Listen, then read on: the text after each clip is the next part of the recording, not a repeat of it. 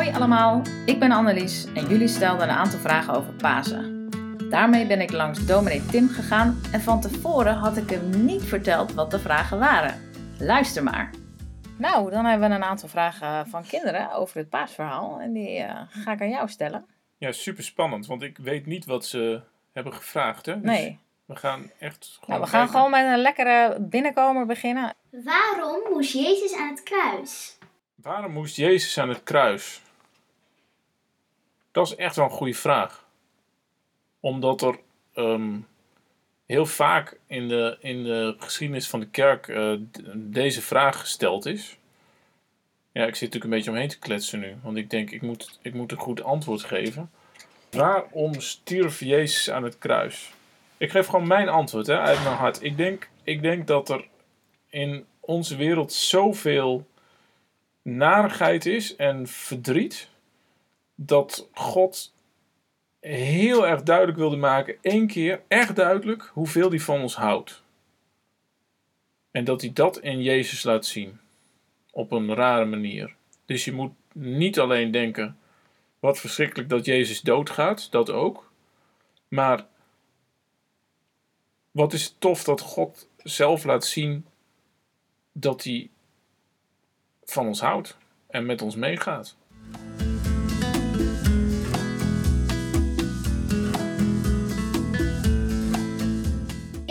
Aan het kruis, maar had het niet op een andere manier gekund?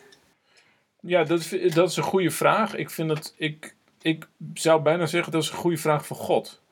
Omdat wij mensen, um, nou ja, best een beetje slim zijn, maar veel dingen ook wel beperkt. Hiervan kan je eigenlijk alleen zeggen: het, het is gegaan zoals het is gegaan.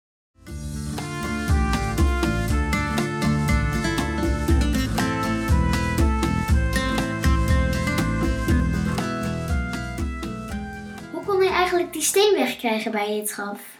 Ja, het was echt een gigantische steen. Je moet je voorstellen dat uh, Jezus is in een graf gelegd, hè, zeggen, zeggen de, de verhalen. En dat was niet een graf zoals wij het kennen, dat, dat het een, een gat in de grond is en daar word je dan ingelegd. Maar dit was een rotsgraf. Dus er was een, een soort grot en uh, daar, daar werd het overleden lichaam ingelegd in doeken. Maar dan lag het daar gewoon en je wilde niet dat er wilde dieren en zo bij kwamen. Dus er werd een hele zware steen werd voor de ingang gerold die eigenlijk alleen door een paar sterke kerels te verplaatsen was. En uh, ja, hoe, hoe is die steen nou van zijn, van zijn plek gekomen? Nou, ik denk, ik denk twee dingen. Als, als, als het echt zo is dat Jezus uit de dood is opgestaan, dan heeft hij de grootste hobbel al genomen. En dan kan hij daarna met die steen ook nog wel wat. En, en het andere wat ik denk, er is, een, er is een verhaal dat er engelen waren bij dat graf. Nou, um, ik, ik, ik denk eigenlijk dat een engel dingen kan die ik niet kan. En dat uh, die engelen dus misschien wel met een tipje van een engelenvinger even tegen die steun hebben aangeduwd en poef, was die weg, weg was die. Oh ja. Zoiets moet er gebeurd zijn.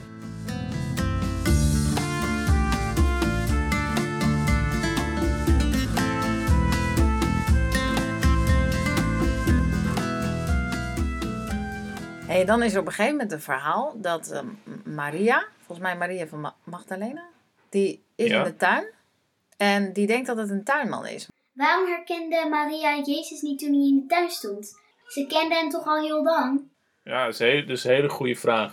Het eerste is denk ik dat ze niet goed eh, uit haar doppen kon kijken, om het maar even zo te zeggen, omdat ze, omdat ze ontzettend verdrietig was. Misschien, misschien liep ze in die tuin wel heel erg te huilen, want het was nog maar net gebeurd dat Jezus was Mhm. overleden. Dus als je heel verdrietig bent, dan kijk je niet op je scherpst, dan ben je een beetje wazig. En eh, ehm, een ander eh, element is dat het waarschijnlijk 's morgens vroeg was. Misschien was het wel een beetje schemerig. Dan zie je wel iemand aankomen, maar je weet niet precies wie het is.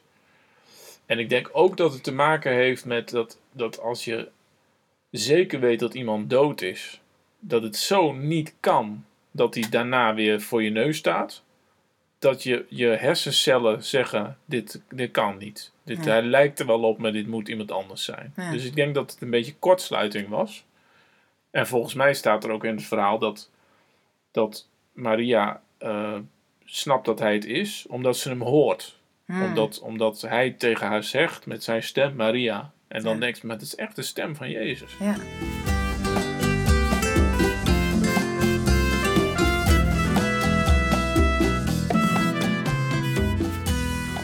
En eh, ja, op een gegeven moment, dat is al echt wel na Pasen, gaat Jezus weer naar de hemel toe. Waarom ging Jezus weer naar de hemel? Ja, dat vind ik, dat vind ik een hele, goede vraag. Hij zegt er zelf natuurlijk iets over. Dat hij, dat hij weggaat omdat hij nog een, een klus te doen heeft. Ehm, want hij moet nog even alles klaarmaken voor de, voor de echte nieuwe wereld. Dus hij heeft gezegd van ik, ik ben opgestaan. Maar nu eh, de rest van de wereld nog. En dan moet ik dingen voor klaar maken. En dan kom ik terug en neem ik jullie allemaal mee. Dus, dus ik, ik ben er even niet. Maar ik kom eh, terug. En ehm, Dus hij moet gewoon eigenlijk zeggen. nog even wat werk doen.